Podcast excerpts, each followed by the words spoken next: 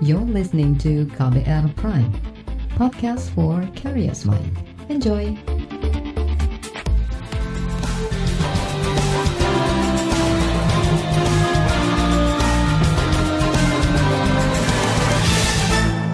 Halo selamat sore saudara, apa kabar Anda sore hari ini? Kembali saya Reski Mesanto hadir di KBR Sore hari ini, edisi Kamis 16 September 2021.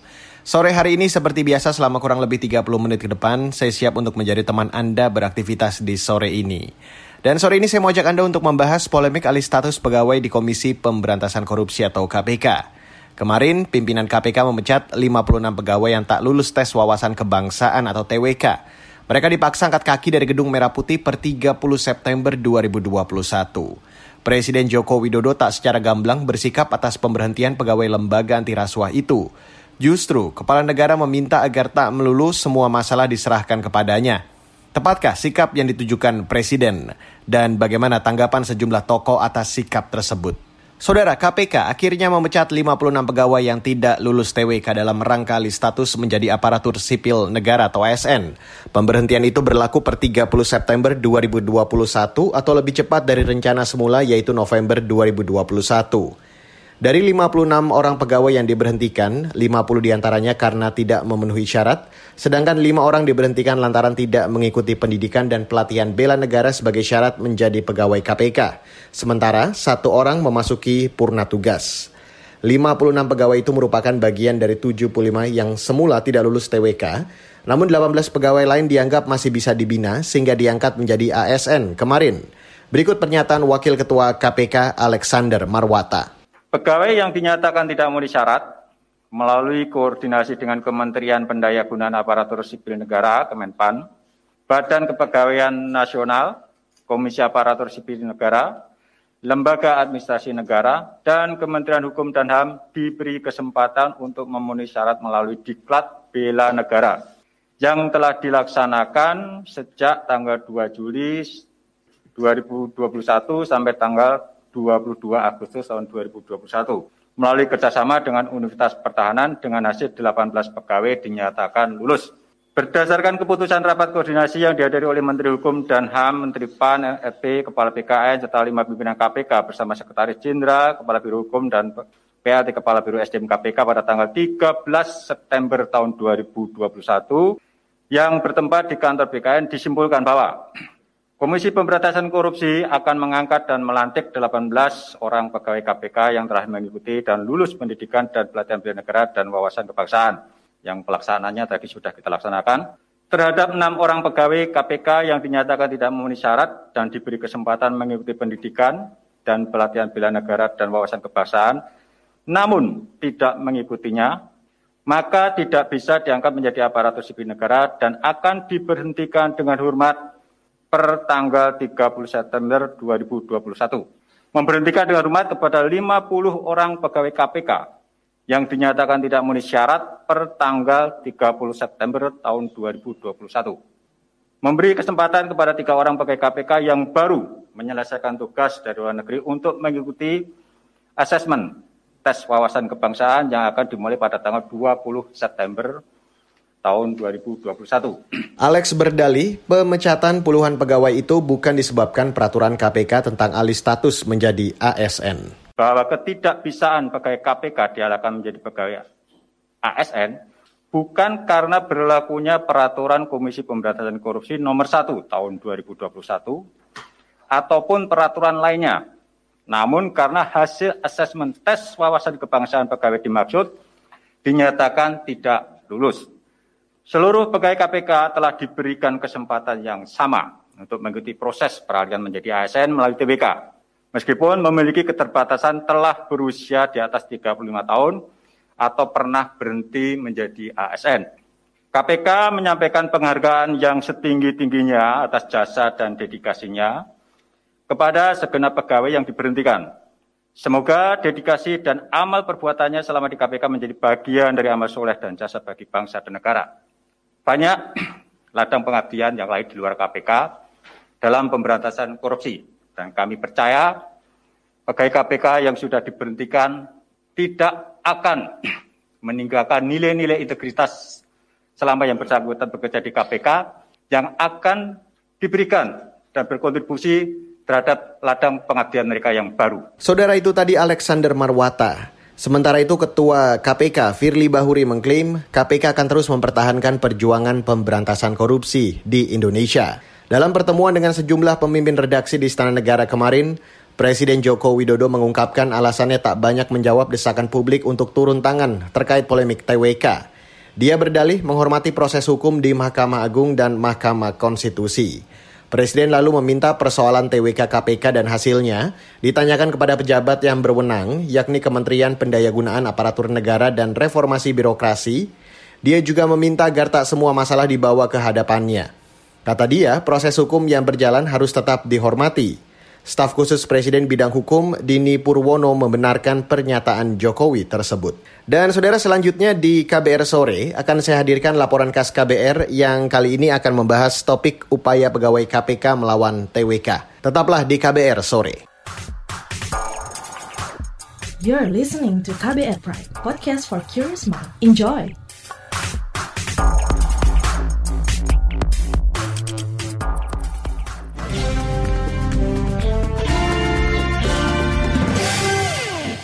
Selamat sore untuk Anda yang baru saja bergabung sore hari ini. Saudara, puluhan pegawai Komisi Pemberantasan Korupsi atau KPK terus melawan putusan pimpinan KPK yang memecat mereka. Berbagai langkah diambil meski hasilnya mengecewakan. Seperti apa perlawanan mereka? Berikut laporan khas KBR yang akan dibacakan Fitri Anggreni. Kegaduhan di Komisi Pemberantasan Korupsi KPK selama empat bulan terakhir tidak dipungkiri bersumber dari SK 652 ini adalah surat keputusan yang ditandatangani Ketua KPK Firly Bahuri awal Mei lalu. Surat keputusan itu berisi hasil asesmen tes wawasan kebangsaan. SK 652 itu memuat 75 pegawai yang dianggap tidak lulus tes wawasan kebangsaan atau TWK, yang artinya tidak memenuhi syarat alih status menjadi aparatur sipil negara. SK ini juga menonaktifkan mereka dari kerja-kerja dan tanggung jawab di KPK. 1.351 pegawai KPK yang mengikuti asesmen TWK dengan hasil sebagai berikut. A. Pegawai yang memenuhi syarat sebanyak 1.274 kategori MS memenuhi syarat. B. Pegawai yang tidak memenuhi syarat sebanyak 75 orang atau TMS 75 orang. Itu tadi Wakil Ketua KPK Nurul Gufron awal Mei lalu. Saat itu KPK masih merahasiakan nama-nama yang tidak lulus. Belakangan diketahui banyak di antara nama pegawai KPK yang tidak lulus itu merupakan penyidik yang sedang menangani sejumlah kasus besar, seperti kasus korupsi bantuan sosial, kasus suap benih lobster, kasus korupsi KTP elektronik, kasus Nur Hadi, dan lainnya. Di awal Mei pula, pimpinan KPK menjamin SK itu bukan berarti pemecatan. Ke-75 pegawai itu lantas mengadu ke Dewan Pengawas atas dugaan pelanggaran kode etik oleh Ketua KPK Firly Bahuri. Namun perlawanan mereka kandas. Ketua Dewan Pengawas KPK Tumpak Hatorangan Pangabean mengatakan dugaan itu tidak terbukti sehingga tidak bisa diproses ke sidang etik. Berdasarkan pertimbangan-pertimbangan yang sudah diuraikan tadi, maka Dewan Pengawas secara musyawarah dan mufakat berkesimpulan seluruh dugaan pelanggaran kode etik dan perumahan perilaku yang diduga dilakukan oleh pimpinan KPK sebagaimana disampaikan dalam surat pengaduan kepada Dewan Pengawas tidaklah cukup bukti sehingga tidak memenuhi syarat untuk dilanjutkan ke sidang etik. Gagal di Dewan Pengawas, para pegawai KPK mengadu ke Komisi Nasional Hak Asasi Manusia Komnas HAM dan Ombudsman Republik Indonesia. Hasilnya dua lembaga ini menyatakan tes wawasan kebangsaan TWK cacat prosedur dan melanggar HAM. Namun, karena keputusan dua lembaga itu tidak mengikat secara hukum, unsur pimpinan KPK lantas mengabaikannya. Selain kedua lembaga itu, puluhan pegawai KPK ini juga melakukan perlawanan hukum ke Mahkamah Agung. Permohonan uji materi peraturan KPK menjadi dasar kegiatan tes wawasan kebangsaan. Sayangnya, gugatan mereka ditolak MA. Belakangan, tiga pegawai KPK yang dinonaktifkan atau dipecat mengajukan sengketa keterbukaan informasi ke Komisi Informasi Pusat. Mereka adalah Hotman Tambunan, Ita Koiriah, dan Igu Sipurba. informasi yang dimohonkan, landasan hukum penentuan unsur-unsur yang diukur dalam asesmen TWK. Kedua, landasan hukum penentuan kriteria memenuhi syarat MS dan tidak memenuhi syarat TMS dalam asesmen TWK. Ketiga, nama dan sertifikat asesor atau pewawancara. Pegawai KPK Hotman Tambunan mengatakan permohonan sengketa informasi itu diajukan agar ia tahu apa yang menyebabkannya tidak lulus tes. Yang kedua adalah karena kami telah mendapatkan SK pemberhentian sementara. Nah, dengan alasan ini, dengan kami mendapatkan informasi ini, tidak ada jika tidak ada kesalahan, maka kami akan menerimanya. Tapi kalau ada kesalahan, maka kami akan menggunakan informasi itu untuk meminta kepada pimpinan KPK akan dilakukan terhadap SK-SK yang dikeluarkan karena kami dinyatakan tidak lulus dalam TWK. Baru-baru ini upaya perlawanan para pegawai KPK nonaktif itu mendapat godaan dengan kabar tawaran kerja di BUMN.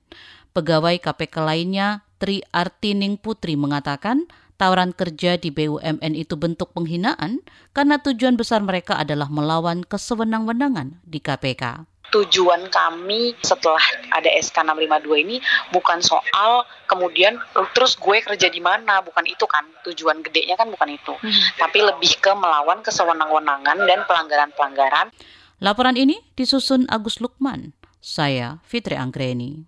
Saudara Ombudsman berharap catatan dalam laporannya ditindaklanjuti oleh KPK. Bagaimana mekanismenya? Informasi selengkapnya sesaat lagi. Tetaplah di KBR sore.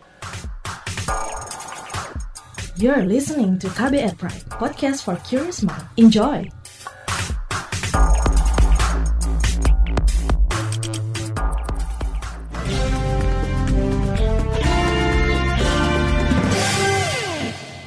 Saudara Ombudsman akan merekomendasikan hasil laporan akhir hasil pemeriksaan atau LAHP kepada atasan lembaga anti rasuah KPK di rumpun eksekutif yaitu Presiden Joko Widodo. LAHP itu terkait dengan pemeriksaan dugaan maladministrasi yang dilakukan KPK dalam alih status pegawai menjadi ASN. Ombudsman menekankan laporan institusinya tidak berseberangan dengan hasil uji materi Undang-Undang KPK dan peraturan komisi di Mahkamah Agung dan Mahkamah Konstitusi. Dia mengatakan hasil MA dan MK memberikan kekuatan terhadap laporan Ombudsman soal TWK. Dalam LAHP terkait TWK, Ombudsman mendorong agar pegawai yang tidak memenuhi syarat tetap diangkat sebagai ASN karena ada cacat prosedural pada alih status pegawai tersebut. Berikut pernyataan resmi Komisioner Ombudsman Robert Naendi Jaweng. Dan kita memahami bahwa substansi dari putusan dua lembaga pengadilan ini ini memberikan kekuatan secara konstitusional dan secara legal di mana memang kebijakan untuk proses peralihan pegawai KPK menjadi pegawai ASN itu sesuatu yang kuat dasar hukumnya. Nah ini adalah ranah di sisi norma atau di sisi kebijakan. Sementara pada sisi lain, Ombudsman bekerja dalam ranahnya sendiri. Ranahnya itu adalah terkait dengan pelaksanaan dari kebijakan yang sudah diberikan alas konstitusional dan alas legal oleh dua lembaga pengadilan tadi dan kita kemudian melihat apakah dalam pelaksanaan khususnya tes wawasan kebangsaan itu itu memang prosesnya itu sesuai dengan prinsip-prinsip administrasi yang benar dan tidak terjadi maladministrasi. Dia menegaskan Ombudsman tidak akan mundur usai MA dan MK mengeluarkan hasil uji materi terhadap polemik legalitas TWK.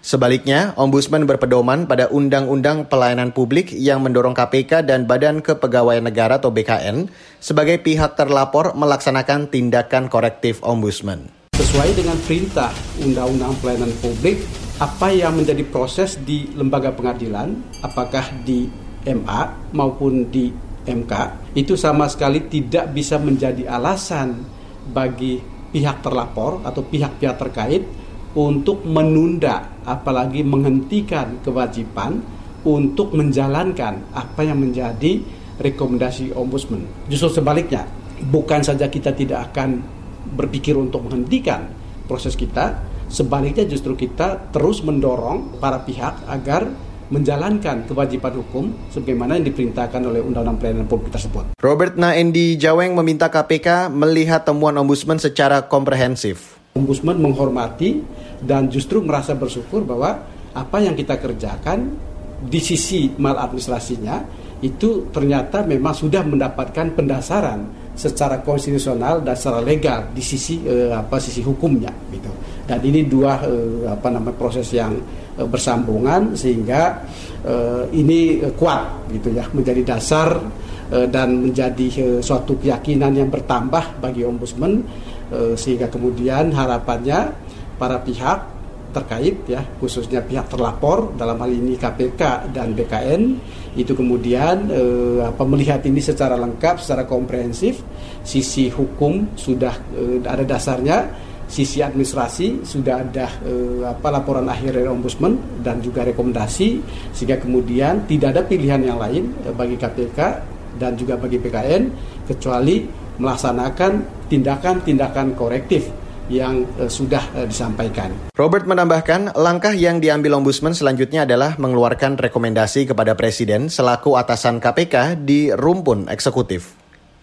Dan sekarang adalah uh, tahap akhir bagi Ombudsman untuk uh, sampai pada produk pamungkas. Inilah mahkota Ombudsman, yaitu rekomendasi dan dalam waktu yang sangat segera kita akan menyampaikan uh, rekomendasi kita terutama kepada eh, atasan dari pihak terlapor. Dalam hal ini Bapak Presiden. Dan kita sungguh berharap dengan rekomendasi ini akan uh, diperhatikan oleh Bapak Presiden. Apalagi uh, sudah uh, dilengkapi secara uh, kuat uh, oleh putusan dari dua lembaga pengadilan tadi begitu.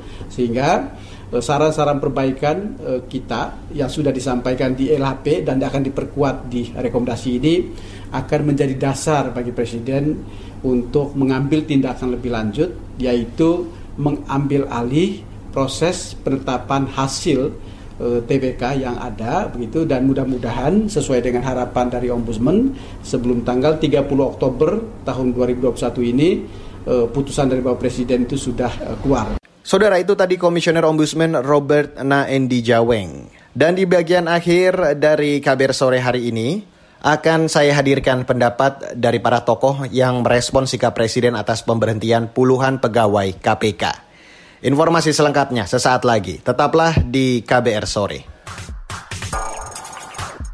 You're listening to KBR Pride, podcast for curious mind. Enjoy!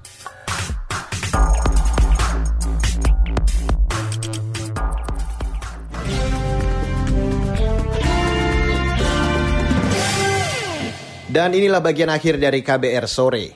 Saudara, sejumlah tokoh ikut mendesak Presiden Joko Widodo bersikap atas pemberhentian 56 pegawai KPK. Salah satunya Ketua Pimpinan Pusat Muhammadiyah, Busro Mukodas. Kata dia, diamnya Presiden sama artinya membiarkan ada pelanggaran hak asasi manusia. Pasalnya, Komnas HAM dan Ombudsman telah mengeluarkan laporan ada pelanggaran HAM dan maladministrasi dalam pelaksanaan TWK tersebut. Apa yang bisa dilakukan untuk mendorong Presiden mengambil sikap? Berikut saya hadirkan wawancara jurnalis KBR Dwi Renjani bersama Ketua PP Muhammadiyah Busro Mukodas. Terkait putusan KPK yang per tanggal 30 ini kan uh, sudah alih status menjadi ASN dan 57 hmm. pegawainya kan tidak lolos. Tanggapan Bapak sendiri seperti apa sih Pak soal ini gitu? Dari kemarin kan sebetulnya sudah ada ya Pak dari Komnas HAM dan juga dari Ombudsman gitu. Pertama itu ada pengat percepatan dari jadwal yang semula diumumkan KPK sendiri kan. Nah makna percepatan ini apa? Percepatan dari sebuah lembaga negara yang menjadi bagian pemerintah yang tentu saja sudah sepengetahuan atau seizin dalam bentuk apa pun juga atasannya. Sikap pimpinan KPK itu terang-terangan melawan isi pidato Presiden Jokowi dan keputusan MK yang dulu. Pertanyaannya, ini bisa berani-beraninya pimpinan KPK seperti itu? Jawabannya, analisis saya karena itu ada pembiaran dari istana. Mengapa istana? Ya karena istana Presiden selaku pimpinan tertinggi, penanggung jawab tertinggi karena KPK sudah sebagai lembaga pemerintah gitu. Jadi dengan demikian ada pembiaran terhadap pimpinan KPK yang menurut Komnas HAM itu TWK itu hasil TWK itu melanggar sejumlah norma-norma HAM. Karena ini melanggar norma-norma HAM, maka pembiaran oleh presiden itu artinya presiden itu juga melanggar melakukan pembiaran terhadap pelanggaran hak asasi manusia itu. Dan di dalam teori pelanggaran hak asasi manusia itu ada yang salah satunya menyebutkan criminal by omission, kejahatan dengan melakukan pembiaran terhadap kejahatan itu sendiri. Ada nggak sih Pak dorongan gitu untuk ke presiden biar mau setidaknya bersikap gitu Pak dari masyarakat misalkan seperti apa sih Pak dorongan-dorongan yang mungkin bisa membuat presiden bergerak? Presiden itu dibantu dengan sejumlah pembantu-pembantunya, menteri-menterinya, staf sekretariat, staf kabinet, lalu ada KSP tidak mungkin mereka-mereka para pembantunya itu tidak memberitahu secara jernih kepada presiden bahwa sudah banyak unsur-unsur masyarakat sipil, misalnya kelompok guru besar yang dipimpin Profesor Azumati Azra CS itu. Sikap-sikapnya kan sudah jelas. Ini kembali kepada Presiden. Kemudian pimpinan Pusat Muhammadiyah. Saya ikut menandatangani suratnya supaya presiden mengambil perhatian terhadap putusan maka apa Komnas HAM dan Ombudsman Republik Indonesia jadi dan memulihkan 57 pegawai itu seperti semula sedia kala. Nah, dari ormas Islam besar, Muhammadiyah, dari forum guru besar, dari sejumlah aktivis-aktivis kritis dari kampus-kampus, kurang apalagi lintas masyarakat sipil kurang apalagi. Tapi melihat pidato presiden yang terakhir itu tampaknya presiden ya seperti kesimpulan saya tadi setidak-tidaknya pada hari ini Presiden tetap melakukan pembiaran terhadap brutalitas pimpinan KPK yang saya dengarkan keterangannya kemarin sore itu kan, itu atas nama Pancasila, atas nama negara hukum, atas nama UUD, menjalankan peraturan ini penuh dengan ketaatan. Itu ciri dari pejabat-pejabat yang mengalami tuna. Tuna apa? Tuna etika politik itu. Saudara itu tadi perbincangan jurnalis KBR Dwi Renjani bersama Ketua PP Muhammadiyah Busro Mukodas. Sementara itu guru besar dari Universitas Islam Negeri Syarif Hidayatullah Asyurmadi Azra menilai tidak sepatutnya Presiden Jokowi mengelak dari tanggung jawab atas pemberhentian puluhan pegawai KPK. Kata dia, sopan santun Presiden sebagai pemimpin eksekutif harusnya menertibkan pimpinan KPK yang dianggapnya berlaku sewenang-wenang. Seharusnya Presiden juga menimbang rekomendasi Komnas HAM dan catatan korektif dari Ombudsman sebagai lembaga resmi negara. Dan saudara informasi tadi sekaligus menutup KBR sore untuk hari ini 16 September 2021. Terima kasih untuk Anda yang sudah bergabung sore hari ini dan untuk Anda yang tertinggal KBR sore, Anda kembali bisa mendengarkannya di podcast KBR sore. Ada di Spotify, KBR Prime, Apple Podcast dan platform lain untuk mendengarkan podcast. Mewakili tim redaksi yang bertugas sore hari ini, saya Reski Mesanto undur diri dari KBR Sore. Salam.